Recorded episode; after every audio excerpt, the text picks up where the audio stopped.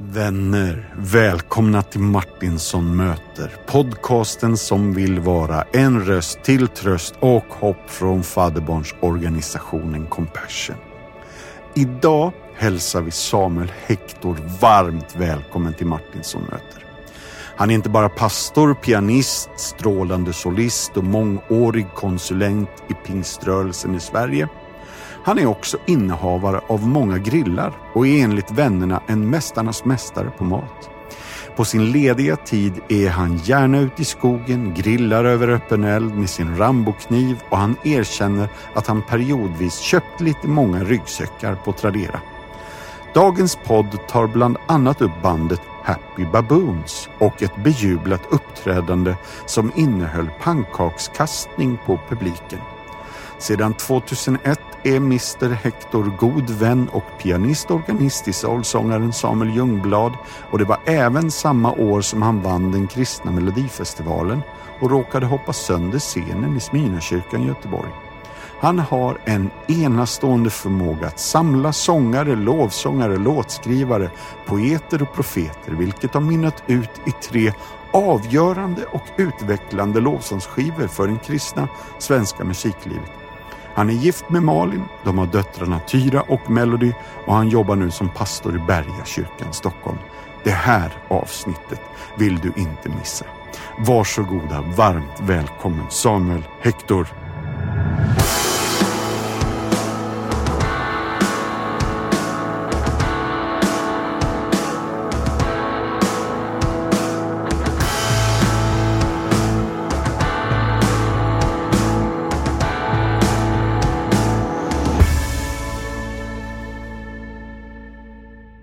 Hörni, välkomna hit. Nu hälsar jag dagens gäst välkommen. Samuel Hector, välkommen till Martinsson möter. Tackar, tackar. Det kändes som det skulle komma nästan som en, ett fyrverkeri där. Ja, du hörde du inte trumvirveln där? ja, ja, jo, jag hörde den inne i mig själv. Ja, jättebra. Du Sam, hur ser din drömdag ut? Oj, min drömdag. No, jag har ju några komponenter som jag har dribblat med de sista, senaste typ två åren som ändå... Det, jag tror att drömdagen innehåller... Jag, jag behöver få elda någonting. Japp. Och på den elden vill jag gärna laga någon mat. Mm. Jag vill befinna mig nära av vatten om möjligt. Ja. Och helst kunna hoppa i. Yeah. Ja, typ så. Ja. De grejerna känns nog viktiga. Japp. Om jag fick hoppas. Och det här var ungefär vad jag gissade faktiskt. Jag är, genom, jag är lätt, lättläst på just Mm. den här grejen. Ja. Eh, eh, på den här eh, glada dagen vid eh, elden och vattnet eh, ingår det då en Mackenzie-kniv. Nej, jag, nej. jag vet inte riktigt vad en Mackenzie-kniv är, men, men en kniv måste man ju absolut ha. Ja. Absolut. Jo, Mm. där. Jag har ju, det, det är liksom ett, jag har ett, ett hyggligt ändå nyvaknat skogsintresse och i det ingår ju också att man får det är inte bara det att man får vara i skog, skog och tända eld och laga mat, utan det är som en, det är som en egen pseudovärld man kan gå in i, där man får skaffa, skaffa sig nya attiraljer och någon sotig kaffepanna och någon eh, stekhäll. Och, och då ingår ju även kniven där. Så det Ja. det, och det är någon slags barnintresse som man liksom nu blir legitimt igen. Så jag har Ja. varit och köpt lite knivar senaste är jättebra. tiden. Det, är inte, det stämmer. Vi måste återkomma Senaste, till det här. ja, ja. ja, Ja, men nej, men senast en Opinel-kniv. Eh, en fransk eh, speciell fällkniv som jag köpte här. Som jag har ofta med mig eh, när jag sitter i olika möten. Brukar sitta och leka med den. Ja, det låter ju inte bra. I Men... olika möten. Nej, det lät inte bra. Det, det är snarare så här att jag har visat för mina kollegor i pingst när vi har Zoom-möten. Då sitter man ju hemma. Ja, Och då har jag visat dem mina olika knivar. Eh, vilket ju, jag inser att det ska man inte göra för alla människor. Men de har klarat av att fatta. om du bara fick äta en måltid resten av livet, vad skulle du då käka? Ja, det är svårt att svara på det.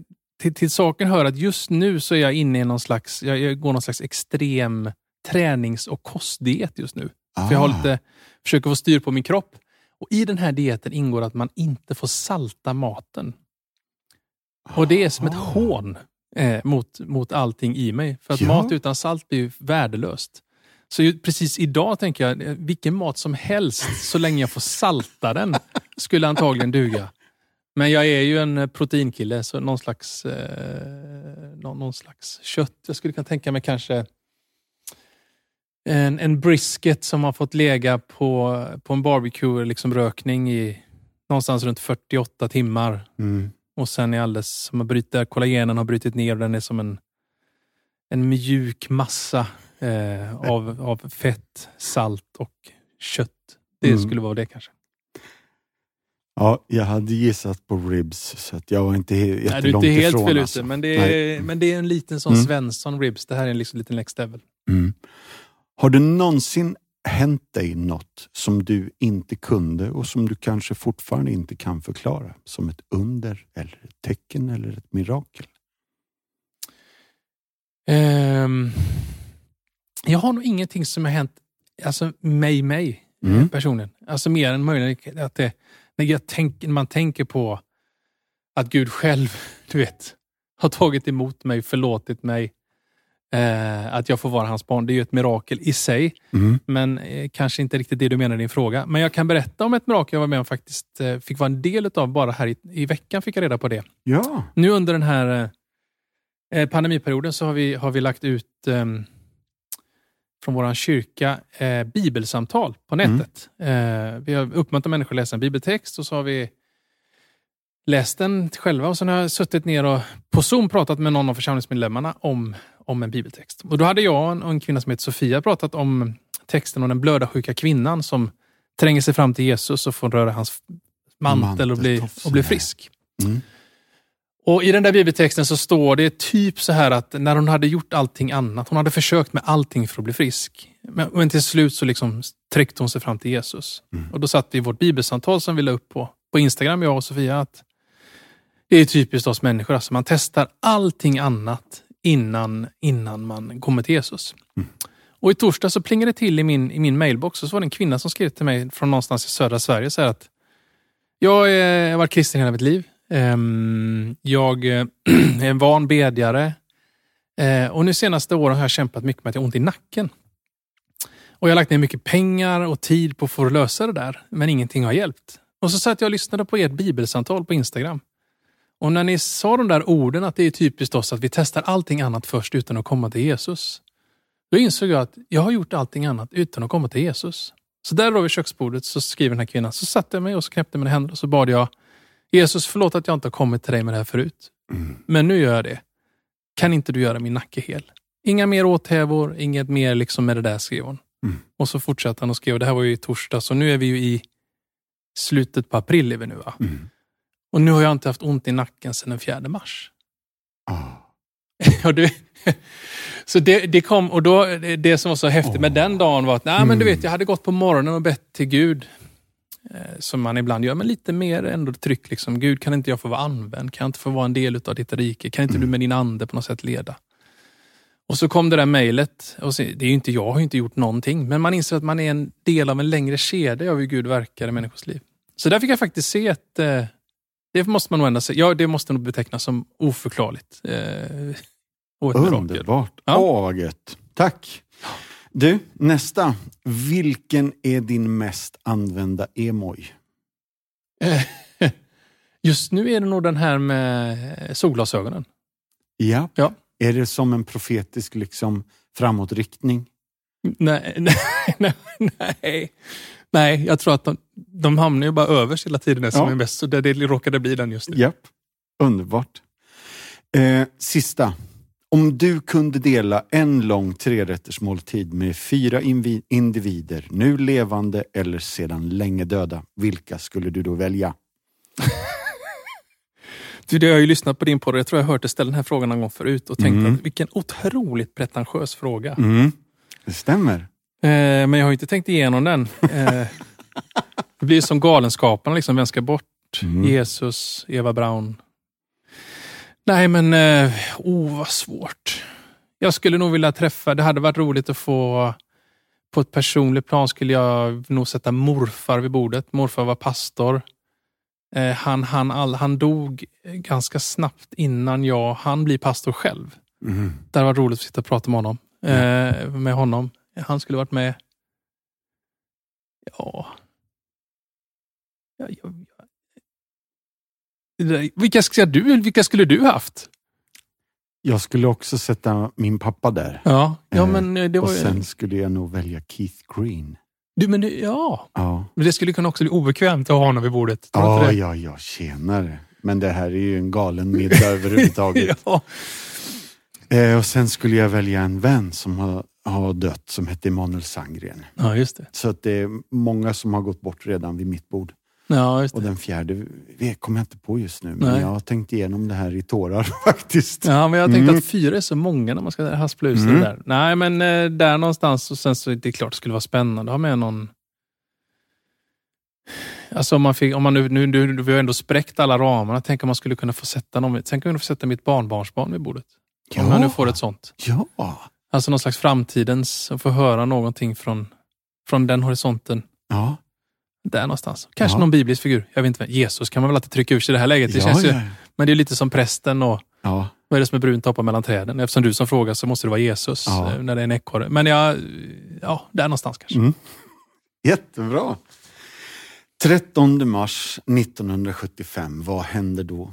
Ja, det är ju eh, dagen jag föds. Det är så. Mm. Mm.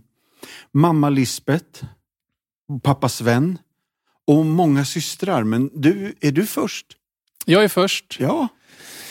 Jag är först ut. Eh, jag brukar ju skrev det ett tag på mina... På mina jag har ju bara, jag har tre småsystrar, så jag brukar skriva på mina julklappar. Från den enfödde sonen brukade jag skriva ibland.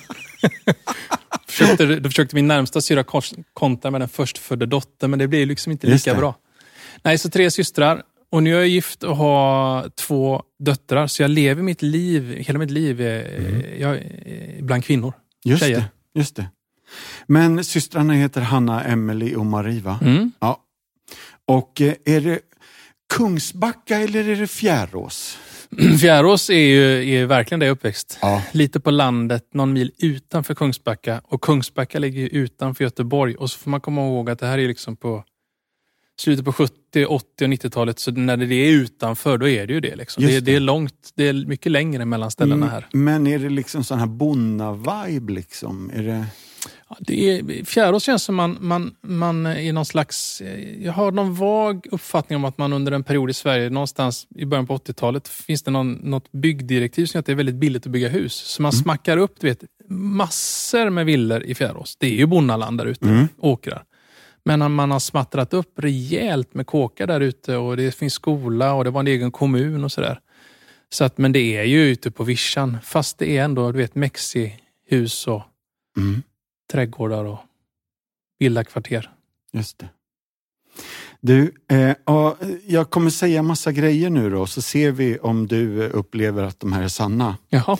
Eh, som bebis så satt du i knät på pianisten eller organisten och det var väl tillika samma person tror jag också. Och som sexåring sjunger du eh, solo i Pingstkyrkan Kungsbacka. Som tioåring är du någon form av barnkurledare tillsammans med någon som heter Andreas. Som tolvåring leder du ungdomskören och som trettonåring åker du på sångledarkonferensen. Ja.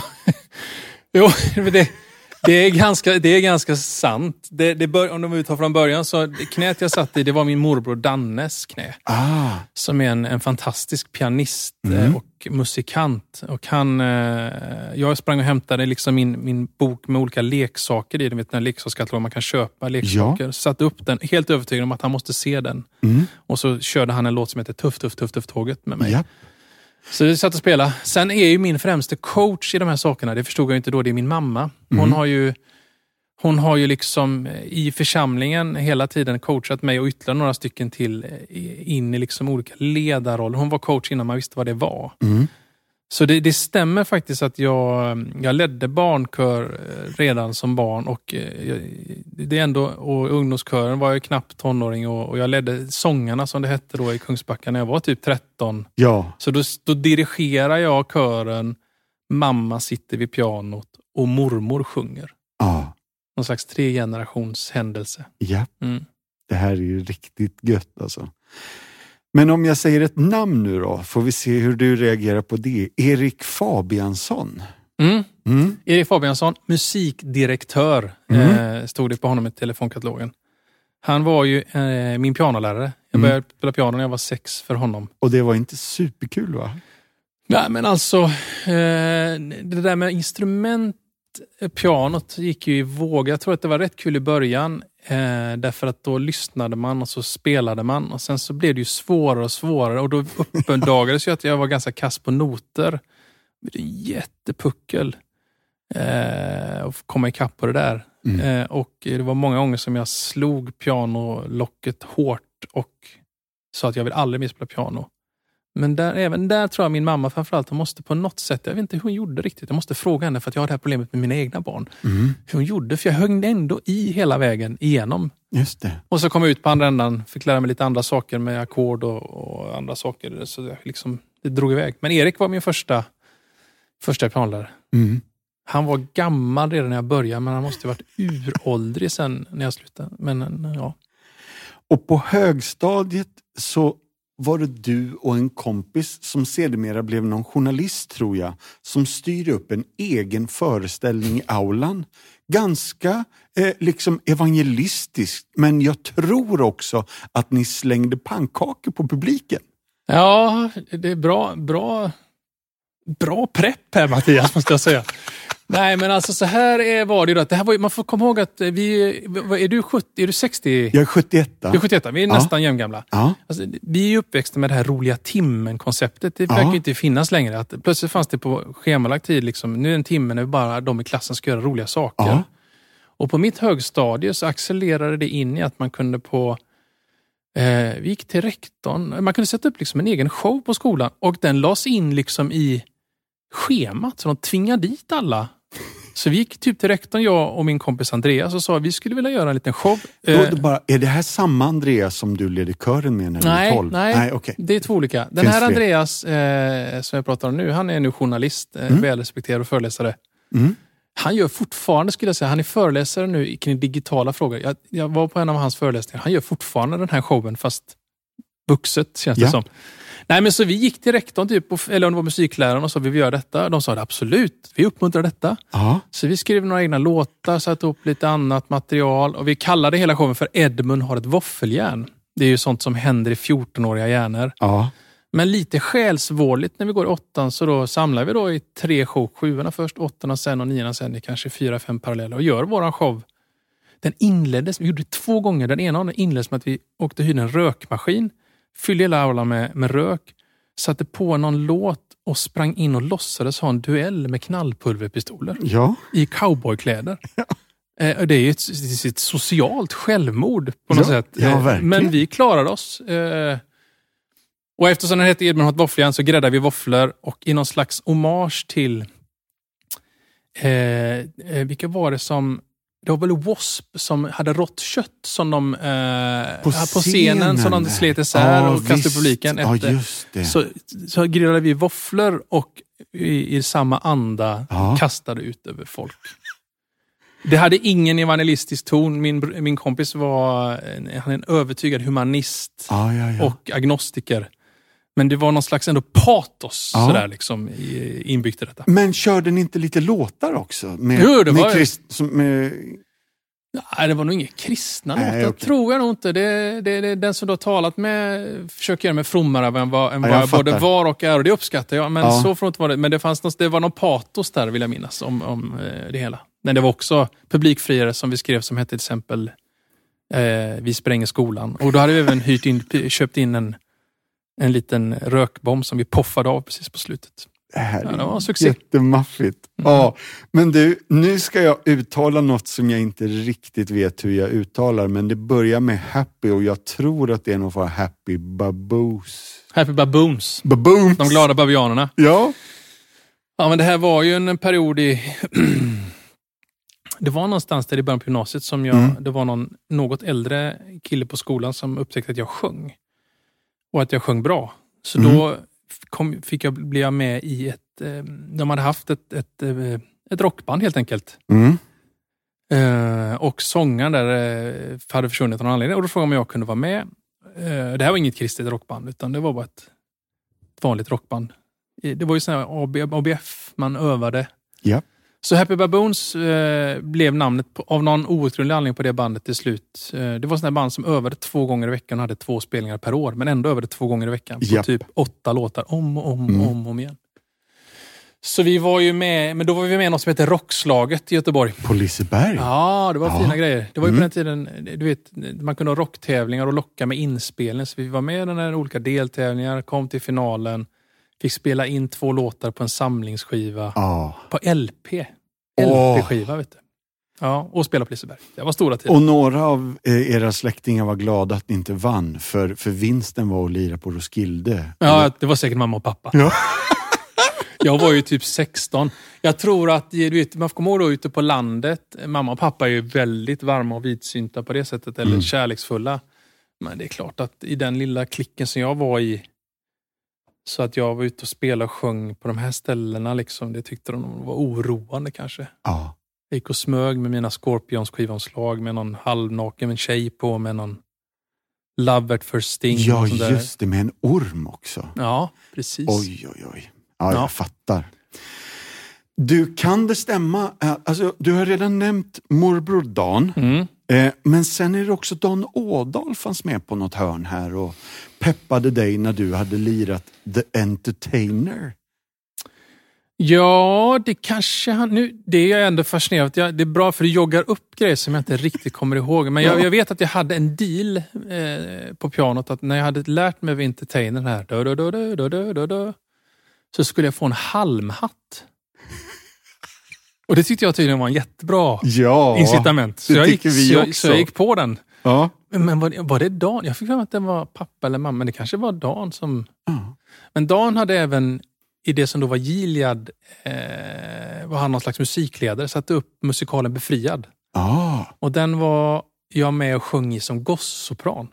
åh. Eh, Förstås. Stod och ylade på där. Jag var, Mm. var jag någonstans 12-13 kanske. Men det är den andra dagen som är viktig i ditt liv. Jag, om jag får göra en spaning så Ja. uppfattar jag att den tredje dagen som är viktig i ditt liv, det är Dan Salomonsson. Men han kommer in lite senare. Här. Ja, Dan absolut. Eh, nej, men Dan, har- Dan var ju den som Salomonsson, som om morfar hade levat, som, så, så, så, eh, så hade, hade han sagt du har fått ditt första fält.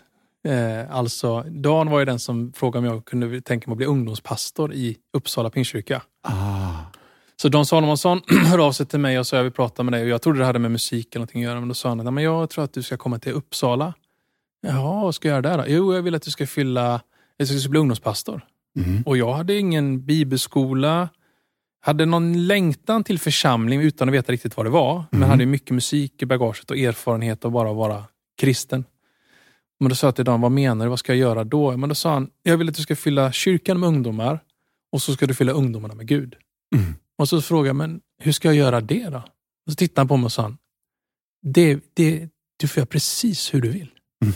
Jag har full förtroende för att du kommer göra någonting jättebra.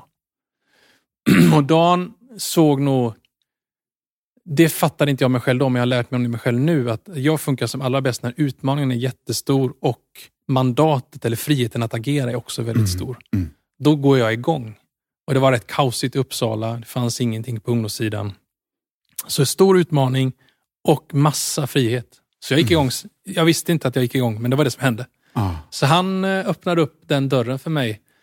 Om han inte hade gjort det, jag vet inte vad som, man kan ju inte veta liksom någon sliding doors-idé, men, men Dan var ju den som ändå drog igång hela det som gör att jag ändå är, idag är, att jag har funnits kvar i kyrkans värld som pastor och på olika sätt ända sedan dess faktiskt. Mm. Och jag trodde att det kanske var, jag åkte hem till Malin, min fru, och sa att han vill jag ska göra det här. Och då sa jag till henne, eh, jag kan ju testa, sen kan jag bara sluta. Japp. Och det var ju mitt största misstag i citationstecken. Ah. För att när Gud väl hade högt kroken i mitt hjärta, då hade den så djupa hullningar. Så jag har nog försökt att lirka ur den några gånger, men det har inte gått. Alltså. Mm. Det jag får inte ut han. Häftigt. Mm. Du, vem är Spel-Aron? Ja, men Spelaron är ju, han är en sån där eh, mytisk person i min släkt. Han var, spelade fiol en bit ner här på och sjöng och eh, om Jesus och eh, liksom eh, var någon slags evangelistisk musikprofil Mm. back in the days. Eh, Det här är ju min, i min han är ju ja, en mytomspunnen person, en hektorska, Mm. liksom myllan. Är det gammelmorfar för dig? Nej, nej, nej, Nej, jag vet inte vad han är för mig, eller på att säga. Mm. Nej, jag vet faktiskt inte vad det blir helt och hållet. Mm. Nej, det är gam... Nej. Men du, nu namedroppar jag lite orter och platser här då. Elof Lindelfsgymnasiet. Ja, det Ja. gick jag på gymnasiet. Ja. Vad är träkvistar då? Träkvista, det var, där var jag musiklärare ett år efter, Aha. efter fullbordade studier på Musikhögskolan. Brevikskyrkan då? Mm, där var jag, parallellt jobbade jag på Lidingö Brevkyrkan som körledare. Och Kulturama? Och där var jag också parallellt med det året eh, jobbade jag som ackompanjatör på Balettakademin. Jag hade gått ut Musikhögskolan och tänkte jag skulle ha ett lite soft första arbetsår. Mm. Så jag tog några deltider. Det visade sig när man räknade ihop dem att jag hade 140 procents tjänst. så det blev inte fullt så soft som jag hade tänkt mig. Och någon gospelkör eh, med Malin Abrahamsson och Salemkyrkan Vargön och Vänersborg. Mm. Och, ja. Ja, men under mina år på Musikhögskolan så hörde Malin av sig. Hon är ju en jätteduktig körledare, finns ju Mm. i Göteborgstrakten. och då hade hon varit i USA, var on fire, hade varit där för att lära sig gospel och ville starta en gospelkör i tre stad. Liksom Vänersborg, Ulricehamn, vilken är den tredje? Trollhättan. Vänersborg med utgångspunkt. Och eh, min klasskompis var därifrån och spelade bas. Och han tyckte att jag frågade om jag ville vara med och spela piano. Mm. Och då kastades jag rakt in i någon slags gospel. Jag hade ju spelat mycket ungdomskörs gospel förut. Men nu var det ju hardcore, contemporary, Donna Lawrence, superkomplex gospel. Och det hade inte jag spelat förut. Nej. Så det var ju någon slags superskola i att lära sig spela gospelpiano. Samtidigt som jag gick på musikhögskolan med någon slags jazz. Mm. Så det var någon slags, ja. Många olika shops samtidigt. Ja, men det var så här i retrospekt var det ju väldigt bra. Så jag lärde mig jättemycket på de där åren. Ja, Ja. jag fattar. Men du, eh, jag skulle vilja backa bandet. Du har redan touchat vid, vid en musikal i Gilead, men det är flera musikaler i Smyrnakyrkan Göteborg. Bland annat en där du spelar ungdomspastor. Ja. Och eh, jag skulle vilja stryka under ordet spelar ungdomspastor. Mm. Men Jack Tommy Adenfoss ser den här musikalen och uppfattar din karaktär så ehm, levande och eh, liksom seriös så att han tycker att du ska bli ungdomspastor. Finns det någon sanning i det Ja, men det finns, det finns en viss sanning i Ja! det där. Ja, men det är inte, inte, inte helt osant. Jag minns inte exakt hur det gick till, men det var ju Urban och Elo Forsberg som jag fått flytta hem till Herren alldeles för tidigt. De hade ju skrivit musikalen Epilog. Ah, Lärt känna dem. Jag lärde ju känna Urban, eller Elo Forsberg eh, på musiklägen när jag var i tonåren. Fantastiska läger som var väldigt formativa. Vi möttes massa tonåringar och sjöng och spelade tillsammans under en sommarvecka. mm. Eh, och sen Urban dök upp där och så var, bodde vi inte så långt från, från Göteborg. Så då frågade man om jag ville göra den där rollen i epilog Mm. som ungdomspastorn Lukas. Ja. Eh, så det var ju liksom, det skulle vara den här fräscha ungdomspastorn du vet, som hade jeans och kavaj. Ja. Och då i något sammanhang faktiskt, då gick jag Tommy förbi och sa nog skämtsamt att eh, men du ska nog bli ungdomspastor. Och jag Ja. garvade nog åt det. Men Ja. så blev det ju sen några år senare. Så Japp. det var någon slags eh, skämtprofetisk gåva han hade där tror jag. Ja. Ja. Jättebra. Kan det under den här eran ha funnits ett tillfälle då du kommer hem mitt, miss i nassen, väcker dina föräldrar, säger någonting i stil med “Jag har hittat kvinnan i mitt liv”? Ja, men det här är ju, en, det här är ju någonting som mina föräldrar hävdar har hänt. Jag minns inte helt och hållet detta, men jag, men jag, jag tycker det är en bra story, så jag står för att Ja, det kan vara så. Nej, men Jag hade varit på min första dejt med Malin. Ah, Och eh, det, grejen var liksom bara att eh, när jag kom hem ganska sent, då är det ju fortfarande tänt inne hos mamma och pappa. ja. Och jag bodde hemma fortfarande. Mm. Eh, och du vet känslan, jag vet inte om ni, om ni varit med om det någon gång, men man kommer hem och som att det är som de väntar på en. Mm. väntar uppe, du vet som i film. Man kommer hem och så har de suttit i soffan och, vad har du varit? Mm. Och lite den känslan var liksom, för de visste att jag var ute på dejt. Och Mm. Så när jag kom in och insåg att det är tänt där inne så tänkte jag väl att ja, men jag går in till dem och säger något. Ja. Så då gick jag in tydligen och sa detta, att jag har hittat kvinnan i mitt liv. Är jättebra. Och det visade sig vara sant. ja. Hon gick på bibelskolan i Smyrna va? Precis, jag gick på Bibelskolan i Smyrna. Vi hade ju träffats på den här epilogmusikalen. Japp. Eh, Jag gjorde ett väldigt tveksamt första intryck har de berättat för mig efteråt. Eller dåligt helt enkelt. Men jag lyckades på något skumt sätt rädda upp det där. Jag har faktiskt hört det också. Ja, ja, jo. Ja. jo det, Underbart! Och i den här eran, då går du på Musikhögskolan Mm.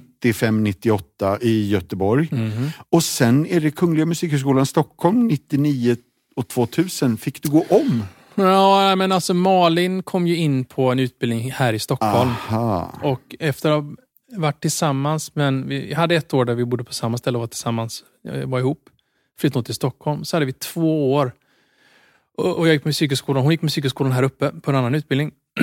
och du vet, man är de här åren när man spelar varenda helg jättemycket, Mm. pluggar och är trött. Eller inte trött, man vill så mycket när man är så här runt 20. Så, så relationen blev ju ganska lidande av det där. Vi skulle träffas varannan helg, vi kommit överens om. Och du vet, man, får man inte till det och man somnar i telefon för att, på kvällarna när man ska prata. Och, eh, och så när det har gått en och två år så kom, man, kom jag, eller vi kom nog tillsammans till, men jag själv kom till punkten att så är det vi, så här kan vi inte ha, vi kan inte ens ha det så här längre. Mm. Kommer jag få hit Malin till Göteborg? Nej, Nej jag får vika ner. Mm. Så då sökte jag över till Musikhögskolan i Stockholm och fick göra mitt sista år där uppe. Mm. Definierade med det var att man var, kunde inte bara flytta utan jag fick göra om alla antagningsprov en gång till Men, för att få förtjäna en plats på Musikhögskolan i Stockholm. Så jag fick gå upp för alla mina lärare och göra olika prov och ditten och datten. Det var ett ras. Oj, vilken grej. Ja. Men du kom ju in igen. Ja, men det var på gnällen, Mm. Och ni gifte er 99 eller? Eh, ja, det stämmer. Alltså, jag är så kass på datum. Ja, 99 var det. Det Ja, stämmer. 99. Ja. Samuel, Yes. jag ska skruva upp volymen på min dator här nu då och så drar jag igång en låt här. Det här är fina grejer.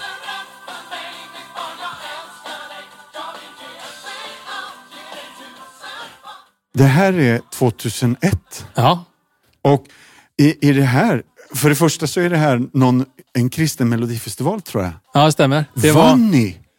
ja, men alltså det, man bestämde sig för att man ville ge en injektion till någon slags kristna, nya kristna sånger. Ja, ja. Eh, någon kombo utav kanske Dagen och andra. eh, och så gjorde man en kristen melodifestival. Och det var några bekanta till oss som var ansvariga för arrangemanget. Så Ja. jag och Thomas Nyman som sjunger här, Japp. Vi eh, skrev en låt helt enkelt. Ni har Skickade in. skrivit den själv också. Vi har skrivit, vi har inte sytt våra egna kläder, men vi har skrivit låten. Absolut. Och vi Ah. satt i Thomas lägenhet på Vanadisplan, en liten etta. Eh, och, och skickade in han och jag gylandes till gitarr eh, till de här som hade ansvar för detta. Eh, och fick tillbaks, det här är jättebra. Vi skulle behöva en lite seriösare demo för att vi ska kunna bara få med med de andra som låter lite mer seriöst. Japp. Så då gick vi till vår vän Stefan. Stefan Olsson som är kappis på, vad heter det? Så mycket bättre, alla de här grejerna. Nej, Ja. jo, är det det som är på Gotland? Så mycket bättre. Så mycket bättre, jo, just det. Mm. Till hans etta, eh, och han hade bara fyra strängar på sin elgitarr, men vi mackade in en, en, en, en någon slags, vi ville ha någon slags halvpunkig låt tyckte vi. Mm. Så spelade vi, kom vi med på den, på den här Melodi 21, Melodi 21 hette det väl ja. I Filadelfiakyrkan. Hoppade in med rakade skallar. Det ena playade, ena spelade med guld och det andra med silver. Studsade hem en liten seger där och så fick vi spela in den här låten. Då ärrades den om ganska mycket så den blev inte fullt så punkig som vi tyckte den skulle vara. Nej. Men, men eh, så där blev det i alla fall. Okej. Och när du säger studsar, är det något mer du vill berätta? Nej, jag vet inte. Vi, det var ju riggat så. Det var ju lite roligt för det var i Filadelfiakyrkan där jag sen, eh, några år senare, blev ju musikpastor. Men det var riggat så att man kom upp, vi kom upp ur dopgraven. Men det gjorde alla ska man säga. Den, Ah, okej, dopgraven okej. var omgjord till sceningång bakifrån på något sätt. Så, så vi hoppade upp där. Mm. Vi vann nog ganska mycket på energi och eh, att vi kände folk. Ja. Det var min känsla. Men, eh, Men det var eh, ett horn, jag passar på att säga, det var ett horn i sidan till en del andra. Som, vi tog det där med klackspark, men det var ju andra som faktiskt som var mer seriösa människor. Vår gemensamma vän eh, Micke Jonsson till exempel, Ja. som hade gjort en jättefin låt och Ja. Ville någonting med sitt konstnärskap. och Jag är sådär. lycklig. Ja visst, och Hanna, Hanna Levin sjöng jättebra. Men vi, ja, vi vann nog på energi bara. Och då, vi spelade in med Lennart Sjöholm Nej. innan. Ja, i hans studio. Och det var innan allt klart för de skulle kunna släppa plattan när den Mm. var färdigt. Och då sa han, grabbar, kom. Jag ska ge ett tips. Jaha, vadå då? Jo, så här sa jag till grabbarna i Blond. Eh, eh, För oss som är i våran ålder kan minnas Blond kanske. Mm, mm. Alltså grejen är när ni har spelat låten, då ska ni inte bara springa av scenen, utan ni ska dröja er kvar, ta in publiken, bocka och liksom ta in och liksom verkligen så ni får den andra jubelvågen. Mm. Det, det kommer ni vinna på Grabbason. Ja, Typ. Underbart. Jag, jag måste bara få återvända till det här med, med, med studsen. Mhm. För jag har någon referens eh, som säger att den här studsen orsakade eh, svallvågor till Smyrnakyrkan Ja, ja, men det var ju, vi, vi hade ju ett kort, liksom, en, en kort 50 minutes of fame efter det där. Mm, Där vi eh, försökte förvalta då den här fantastiska vinsten. mm, Och då var vi med och gjorde någon konsert, bland annat i Smyrnakyrkan. Och då hade man byggt upp i Göteborg. Då hade man byggt, upp, byggt ut scenen, det är en så konstig strad där inne. mm, Så byggt upp med lite hem, hem, hembygge. mm. Så vi studsar på där på, på den här låten eh, väldigt energiskt. Och det slu, så scenen brakar ju faktiskt ihop. Eh, så, så den säckade ihop under Ja. oss. Men det blev inte det här att vi för, försvann, utan du vet, man studsar och trycker ifrån och då brakar scenen ihop. Men själv lyckades man flytta sig till nästa ställe. Så, så det var ju ganska effektfullt. Ja. Och några snabba tekniker som snabbt byggde ihop den. Det var mycket imponerande. ja. Du, det här är 2001 och jag tror att det är det året då du träffar Samuel Ljungblad också. Ja, men det kan, jag är inte så bra på årtal, men det är någonstans här som jag, jag träffade Samuel Ljungblad här i, i, jag var och lyssnade på honom med hans band i, på i Frälsningskåren, eh, någon av kårerna här i Stockholm. Mm. Och eh, tyckte det var så fantastiskt bra. Han gjorde ju någonting då som jag uppfattade, i alla fall i Sverige, ingen annan hade gjort. Eh, som ju la grunden till hans fantastiska karriär och där han är idag tror jag. Det var liksom en musikstil, någon slags soul, neo-soul som ingen hade gjort. Han gjorde det, sjöng fantastiskt och det var ett nytt sväng och nytt band och så här. Så jag kommer ihåg att efteråt utan att känna honom eh, så gick jag fram till, fram till honom och så sa jag, presenterade mig och så sa jag eh, lite så här i affekt sådär. Jag skulle kunna göra vad som helst för att spela med dig. Jag skulle nog kunna tänka mig att döda för att spela med dig. Och så hörde jag hur dumt det lät. Så då tillade jag åtminstone små djur. Men det här, så blev det va? Ja, precis. Jag, det, jag ganska snart på det så fick jag, så var jag faktiskt med och lirade. Jag, jag var nog med och spelade ja, någon slags orgel, typ, var nog det jag började med. Och sen så har jag ju spelat med Samuel sen dess från och till faktiskt. Eh, nu har det inte gått att spela med honom på länge. Men det har varit olika intensiva perioder. Men Mm. både med bandet och ibland har jag varit ute med honom själv. Och sådär. Mm. Ja. Han är ju en kär vän. Mm. Väldigt glad för Samuel. Ja. Och i den här eran, här någonstans i vevan, så börjar alltså den här ungdomspastortjänsten. Eh, Ja, det, är ju Dan 20, det är ju Salomonsson. 2001 som Ja. eh, jag gör det. Mm. Mm. Fem år ungdomspastor i Pingstkyrkan Uppsala. Stämmer. Mm. Fem år som ungdomspastor i Pingstkyrkan Uppsala, ungefär någonstans där var det. Eh, och formade ungdomsverksamhet och ungdomsarbete. Vi gjorde, startade fritidsgård och hade ungdomssamlingar och ungdomsmöten. Och, och sen, som, som menar, jag... Alltså i församling, så som jag fungerar, så klart att det stod ungdomspastor på pappret. Eh, eller liksom jobba med ungdomar. Men eh, man gör ju det som behövs. Så jag gjorde ju många andra saker också. Man täcker de hål som... Man tätar de hål som behöver tätas. Japp, jag fattar.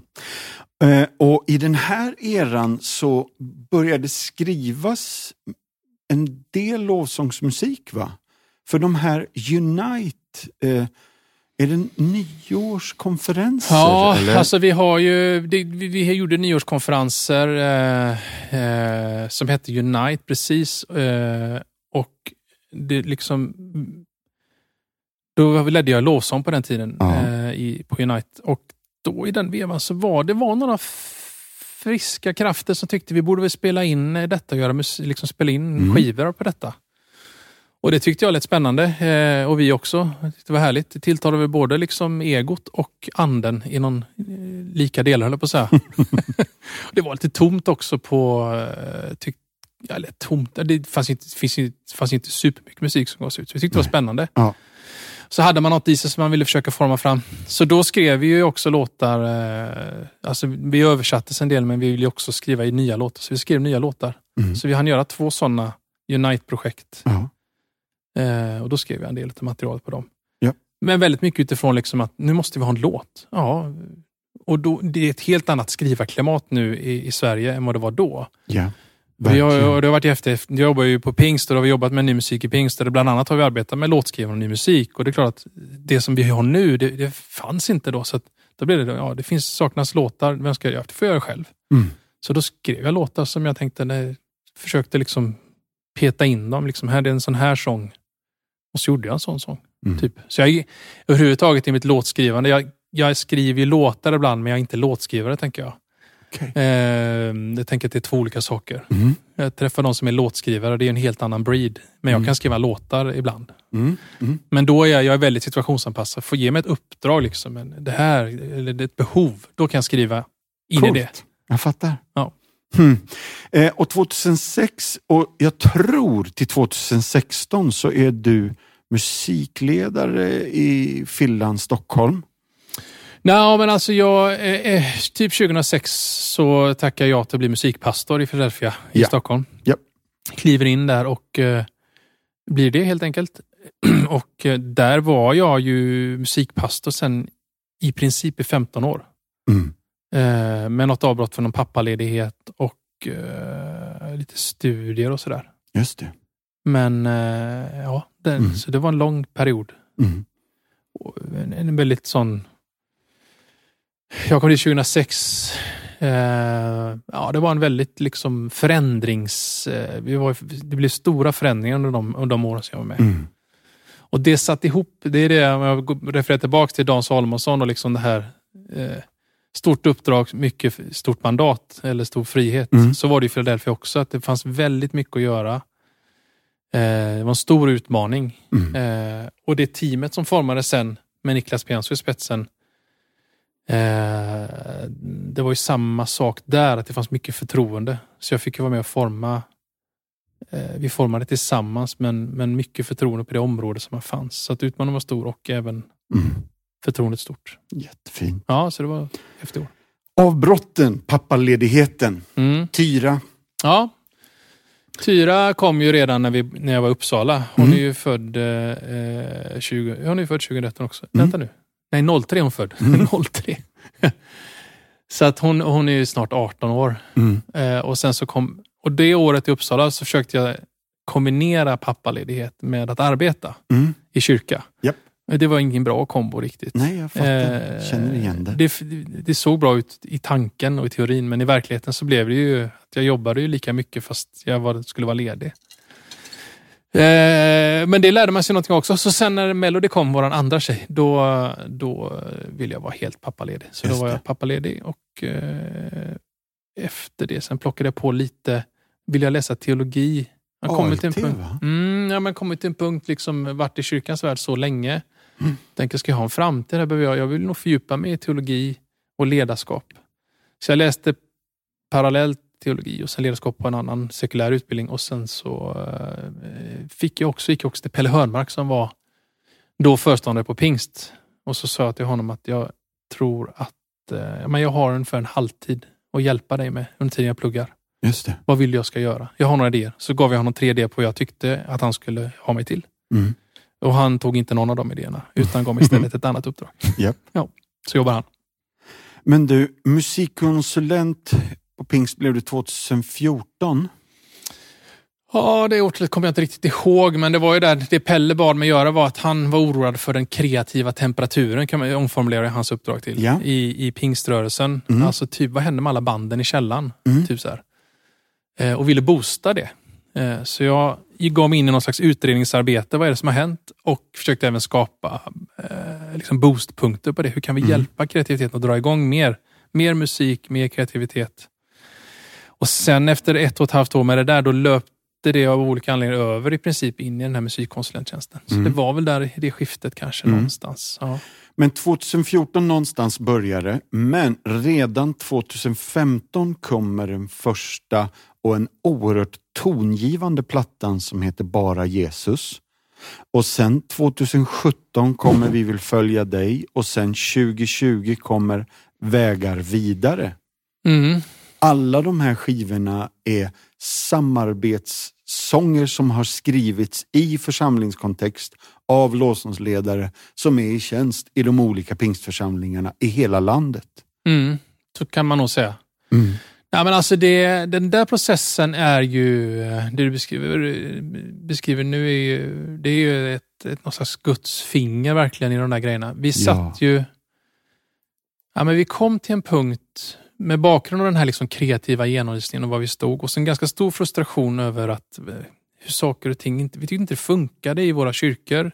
Och då har jag pingströrelsen som min hemvist. Mm.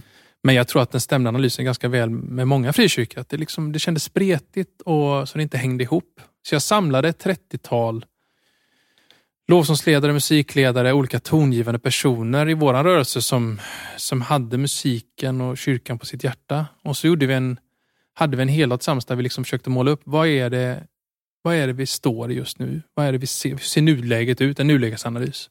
Och sen drömde vi om framtiden. Och då mm. var det några saker som kom fram i den där drömmen om framtiden. Och där en av de sakerna var så att vi, vi skulle så gärna vilja sjunga oss samman igen. Mm. Frustrationen över att Ja, men du vet om du skulle göra en konferens i Stockholm och sen åka upp till Umeå nästa dag och göra, sjunga en kyrka där, så finns det inga nya sånger som binder oss samman längre. Mm. Utan man måste backa så väldigt långt. Inget fel på de sångerna egentligen, mm. men det, var, det hade inte funnits en enande faktor på så länge, upplevde vi. Och också en rörelse som hade varit spretig. Pingströrelsen genomgick en del spretighet konflikter någonstans strax innan detta och började enas igen. Och så tittar vi på så att musik kan vara en sån identitetsbärande faktor, ena oss tillsammans. Mm.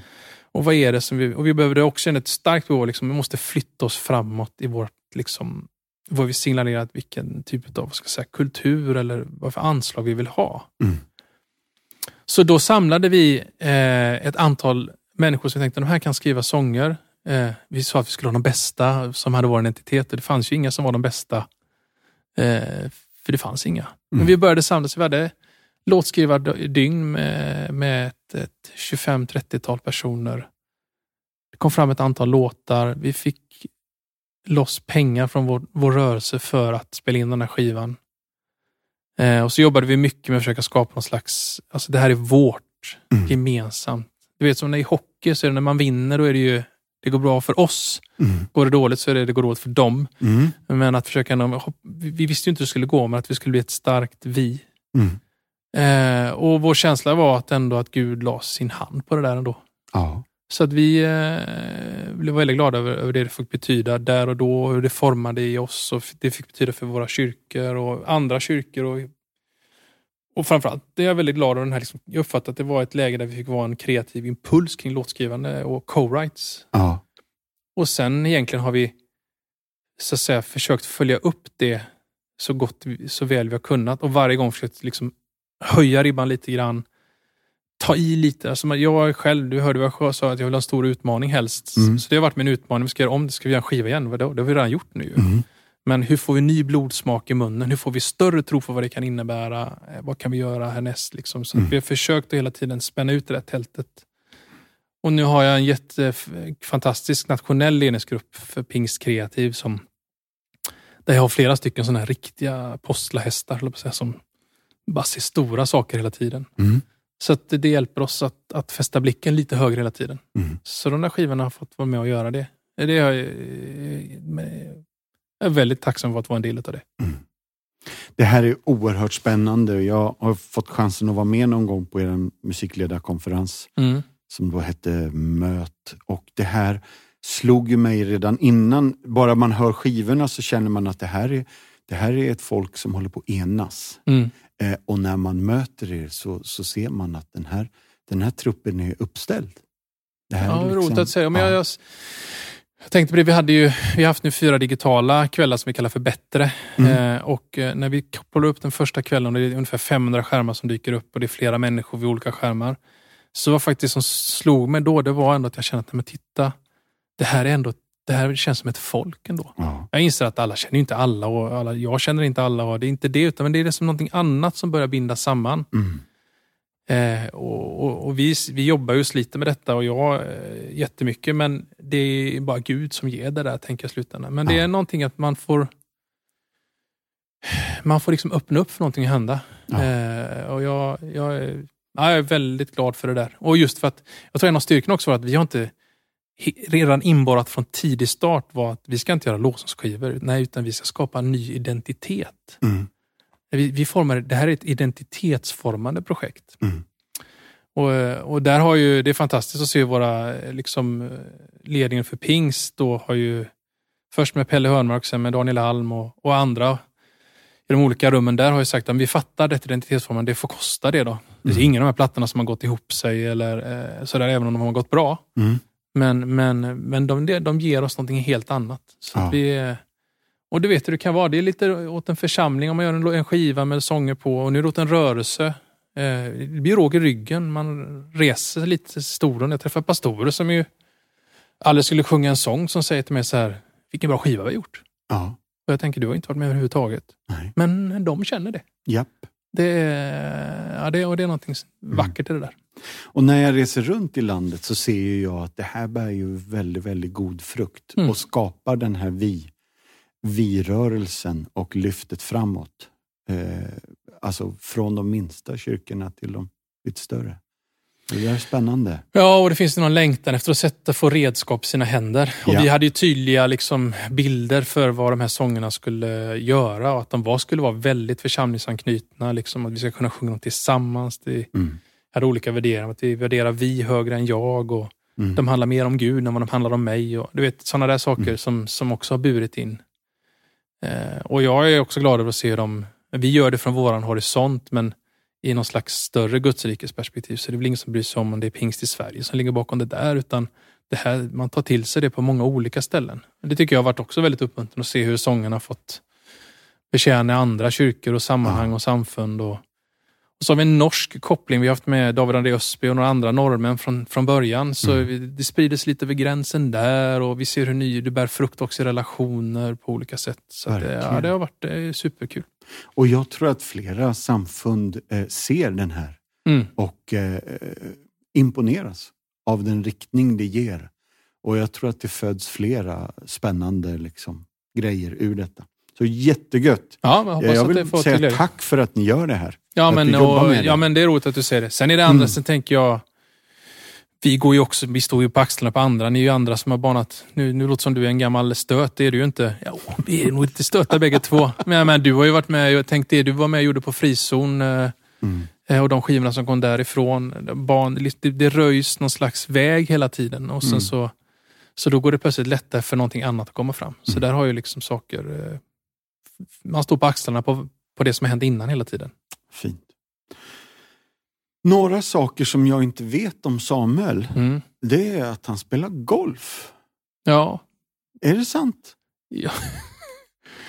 2021, att en, att en man i 46-årsåldern spelar golf, det är väl inte så Ja, men hade, hade jag sagt paddel så hade jag varit jätteöverraskad. Ja, men paddel har jag gjort en, Det skulle jag Ja. kunna snöa in på tror jag. Det har jag gjort en gång, det var kul. Nej, Ja. men golf spelar jag, det, bara, jag- det var som pappa-son-aktivitet. Ah, När jag var ung så började vi tillsammans. Sen spelade vi inte så mycket. Men, nu, men jag spelar ju golf, det är Mm. så tre runder per år. Mm. Så det är, inget, det, är inget, det är inget förtärande intresse riktigt. nej. Hur många grillar har du? Ja, men jag har, eh, jag har tre grillar, två stekhällar. Ja, det är det jag har. Tre, två, ja. Men har du såna här, eh, hur många Trangia-kök rör det sig om? Alltså är det såna här outdoors-grillar också? Ja, jag har inget tranga. Gas är jag lite allmänt ambivalent till. Mm. Eh, Det ska brinna på riktigt. Mm. Men jag har byggt en liten egen miniportabel grill av en sån här besticklåda från Ikea. Räknar du med den då? Nej, den var inte med i första uppräkningen. Mm. Men jag har, nej, men mitt standard på altanen står det tre grillar. Ja, Eh, Det tycker alla människor. borde Två, ja, men två tycker jag man ska ha. Ja, men det är bra. Ja. Gött. Och sen har jag förstått detta med outdoorsy Samuel som vaknade Mm. till liv för några år sedan och du har nämnt att det, det köps tält och ryggsäckar på Tradera i, i kanske lite för stor utsträckning. Ja, ett tält har jag inte köpt något, men jag har tittat mycket. Ryggsäckar hade jag en period. Jag har ju en, en, vi har en gemensam vän i Alfred Nygren. och Vi startade den här resan och gå vilse åt samma håll skulle jag verkligen säga. Ungefär samtidigt. Mm. Eh, och det var framför allt en period på några månader när jag, jag, det var en, jag har aldrig budat på så mycket gamla ryggsäckar. Väldigt konstigt så här i efterhand. Men det, nu har jag fyra stycken gamla Haglöfssäckar hemma med sån metallram. Men Ja. de är checka, vet du. Det är bra. jättebra, då får man med sig hela gänget. Men det har med den där, eh, ja, jag fick, en kort period fick jag också med alla, hela familjen på detta. Eh, barnen tyckte det var roligt att gå ut i skogen. Det, var, Ja. det höll sig bara någon halvår. Mm. Men då passar jag på att kitta upp dem med Just ryggsäckar och grejer. Ja. Har alla i familjen varsin älgskinnskaffepung? Nej, det är bara jag som har en sån. Det är bara du? Men den är ju en gåva. Den är, Mm. ju- den är väldigt fin. Den fick jag av några goda vänner. Ja. Och den här Mackenzie-kniven då, om vi bara kan återkoppla till den lite grann. För att vi pratar, eh, det är Rambo-style på den va? Ja, nej men alltså, det, jag är inte säker. Den kanske heter Mackenzie. Jag vet bara att den är stor. Men det är ju ett, jag var ju och köpte en lite mer, en bättre kniv. Mm. Men bredvid den låg en jättestor kniv som var väldigt billig. Och då tänkte jag i mitt stilla sinne, vad, hindrar att jag köper den här? Ja. Och då köpte jag den. Så den är, men den är ju sådär 30 centimeter lång. Om, man, om man har minnen från när jag var liten fanns det något som hette Rambokniv. Ja. Som man, eh, var en stor kniv. Den är större än den, men på Rambokniven kunde man även skruva av locket så var det liksom lite någon slags survival kit där inne. Och en liten kompass och grejer. tidig MacGyver-låda. Ja, Mm. så det, det jag, tror, jag fick aldrig någon sån. Nej, Och jag tror att detta kan vara ett utslag nu var det dags. av det. Ja. Mm. Du, jag, jag skulle vilja ta några minuter och byta ett spår nu. Är Ja. det okej att Shoot. jag tar och berättar lite om compassion? Eh, jag ska läsa en berättelse om hur det funkar på fält. Eh, och när vi är klara med det så skulle jag vilja ha dina eh, några sekunder vad du tänker om hur vi bekämpar fattigdom. Då skulle jag vilja ta några minuter och berätta om Richmond Vandera. Han kommer ifrån Kampala, Uganda. Håll utkik efter vår livestream med Richmond. Han kommer även vara med i Martinsson möte snart. Den här berättelsen har ni hört förut, men den är väl värd att höra igen. När jag var åtta år så togs min far ifrån oss och med det menar jag, han blev mördad. Han var den enda med inkomst i vår familj, så min mor, syskon och jag fick flytta till ett ruckel. Alla andra barn blev glada när det regnade, för då fanns det ju vatten, förutom vår familj, eftersom hålen i taket tvingade oss att sova stående alla de nätter då regnet piskade på. Jag minns så väl den dagen då mamma sa att nu är alla pengar slut. Nu måste ni gå ut på gatorna för att tigga. Hungern slog till, vattenbristen var svår. Jag var ett barn men hade inte tid att vara det längre. Det var då fattigdomen började prata med mig. Fattigdomen sa till mig, du kan inte göra någon skillnad och ingen bryr sig om vem du är. Det bästa sättet att beskriva min situation, hur jag då kände mig, är ordet hopplös. Till slut tog min mor mod till sig och berättade för sin väninna om vår situation. Då berättade vännen för mamma om Compassion. Omedelbart fick vi besök av personal som ville veta vad vi hette, vilka vi var och få vår livsberättelse ner på papper. Jag fick höra att en ung tonåring som var 15 år och hette Heather hade beslutat sig för att bli min fadder. Det var mycket svårt att beskriva den glädjen som fyllde vårt hem när vi fick den nyheten. Richmond, du har nu fått en fadder och det betyder att du kan få gå tillbaka till skolan igen. Nu får vi mat på grund av henne. Hoppet fick ny glöd. I breven skrev Heather att hon tyckte om mig, bad för mig och det här började sakta hela sådana sår och sånt som gått sönder i min själ och i mitt självförtroende. Fattigdomsrösten började nu klinga av. I juni 1999 blev jag en kristen och det blev ytterligare en befrielse för mig. Jag var fri, helt fri och förlåten.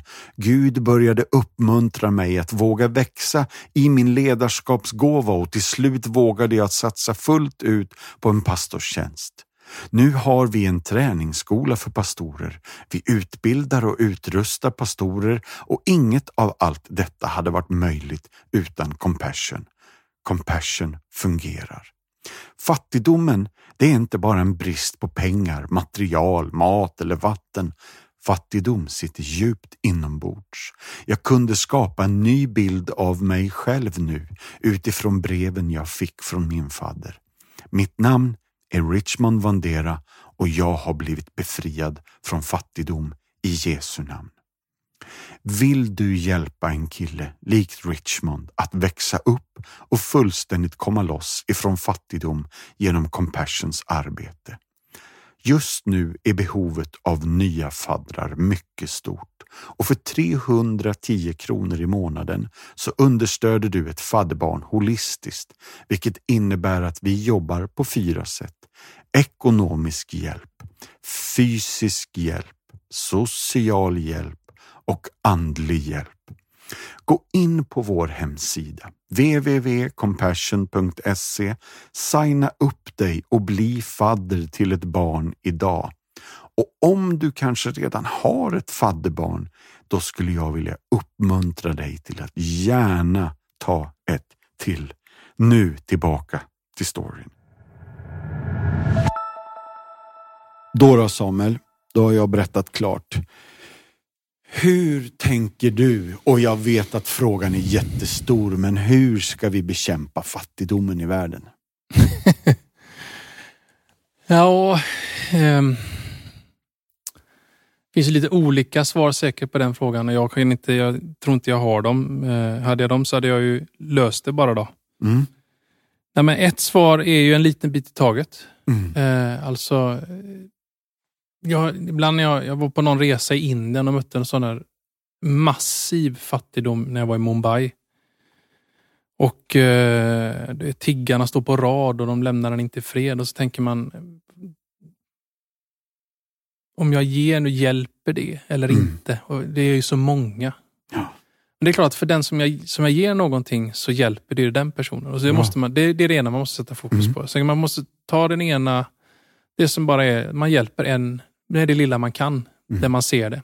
Och det rör sig om allt från att kanske ha ett fadderbarn till att faktiskt inte bara avfärda de olika organisationer och sammanhang som, som, behöver, som förmedlar hjälp på olika sätt. Mm. Eh, det andra jag tänker är att man, jag tror man behöver fundera över sitt lite mer strategiska tänk kring hur man fördelar sina resurser. Själva har vi, vi valt att vi använder församlingen som liksom förmedlare av, av pengar och resurser. Vi har ju de kyrkor där, kyrkor där vi finns med stort liksom både missions och biståndskopplat arbete. Vi hjälper människor. Mm. Och då vet jag att de pengarna jag ger till vår kyrka går även in i det. Eh, så jag brukar tänka att det där är ett viktigt strategiskt val för mig. Mm. På ett mänskligt perspektiv. Sen finns det en annan del i det som, tänker, som har att göra med bara att jag, har ju, jag måste reglera mitt eget hjärta min egen girighet, min mm. egen liksom självupptagenhet. Eh, och, och, ett sätt att göra det är ju faktiskt att bara ge generöst vidare. Mm. Eh, och fattigdomsbekämpning kan ju vara en av de sakerna som man kan ge till. Då, tänker jag. Just det. Så både våga, eh, ja, men både det här liksom droppen i havet, eller mm. du vet pojken med vad är det, maneterna på stranden. Sjöstjärnorna. Ja, men det mm. spelar ingen roll. Ja, men för den som slängde i spelar det stor roll. Och yep. samtidigt fundera på vad kan jag göra för att få fram traktorn som kan putta ner allihopa? Då? Mm. Eh, det får man fundera över. Eh, ja, men ungefär så. Jag har inget bättre svar. Ja, men du, det är jättegött. Ja. För bakom de här barnen i Indien så finns det ju troligtvis en, en berättelse. Mm. En familj kanske, som påverkas av det givandet. Mm. Men då gillar jag att, att du återkoppla det till ditt långsiktiga tänk. Eh, för att om man utgår från ehm, eh, den här sjöstjärnestoryn så hjälper ju det den sjöstjärnan vid just det tillfället. Mm. Men där menar ju du att det finns ett långsiktigt tänkande som är väldigt gott. Då. Ja, men jag tror att man, man försöker placera sig på sätt som man är en del av en, av en långsikt, eller en större strategi också. Annars ja. så dukar man väl under. Mm. Sen tror jag ju i grund och botten på, med stor respekt för alla typer av välgörenhets och biståndsorganisationer. Och det här tycker jag Compassion har en bra det är inte bara en tagline vet jag, att, liksom att men det är i, Guds kraft på något sätt som ja. gör detta. För jag tror ju att den, det är evangeliets förvandlande kraft som till slut kommer hjälpa en människa. Både ur en, eh, en andlig fattigdom, mm. men när du kommer ur den andliga fattigdomen och får kontakt med Jesus, då kommer det också förändra hur du, hur du lever ditt liv. Och vi ser ju det Nej, men det finns ju gott om vittnesbörd nere på, på olika ställen där det, där det är svårt med fattigdom. Så när, när Jesus får komma in i bilden, mm då grävs det plötsligt en latrin. Då, mm. då tas det plötsligt hand om, man bör, folk människor tar hand om sig, man, man värderar om saker i livet. Så evangeliets förvandlande kraft där, det betyder inte att vi inte ska hjälpa, att vi alltid måste säga, bli frälst och sen hjälper vi dig. Det är inte Nej, det jag det. säger. Nej, Men jag tror att när människor blir frälsta så går det mycket lättare för dem att hjälpa sig själva och att också ge dem hjälp.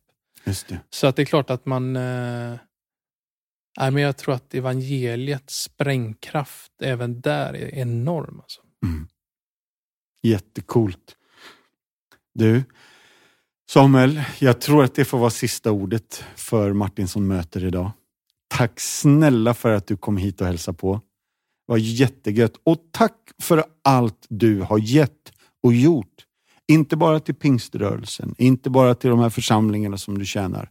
Vi har ju glömt att säga att du jobbar i Bergakyrkan sedan 2019 också. Mm, och jag är pastor där. Åkersberga, 44 ja. 000 människor i nordöstra Stockholm. Vi är nästan den enda församlingen med ett hundratal kristna i. Mm. Eh, det är ju en, en eh, pionjärplats. Be gärna Åkers, du, du som lyssnar på det här och är en bedjare, be för Åkersberga. Mm. Ja, mitt hjärta är fullt av tro faktiskt på vad Gud kommer göra i Åkersberga och i den platsen. Jag kan för min inre blick se liksom en massa fina saker och hur människor får komma till tro. Jag, mitt hjärta faktiskt bultar när jag tänker på det. Ja. Men jag tror att det behövs mycket förbön och arbete med det där. Ja. Mm. Tack snälla för allt du gör för Guds rike i vårt land. Med lovsången och med förkunnelsen och hela ditt liv. Nu, nu säger vi slut för idag. Tack för idag. Mm. Slut för idag och tack för idag allihopa. Vill du veta mer om det som har pratats om i podden så har vi något på vår hemsida som heter Show Notes. Där kan du se alla länkar till sånt vi pratar om när vi refererar till en film eller en bok eller en sång. Då finns de länkarna där, så gå in på compassion.se så hittar du helt enkelt massa extra material. Tack, ha det bra, bye bye, hej då!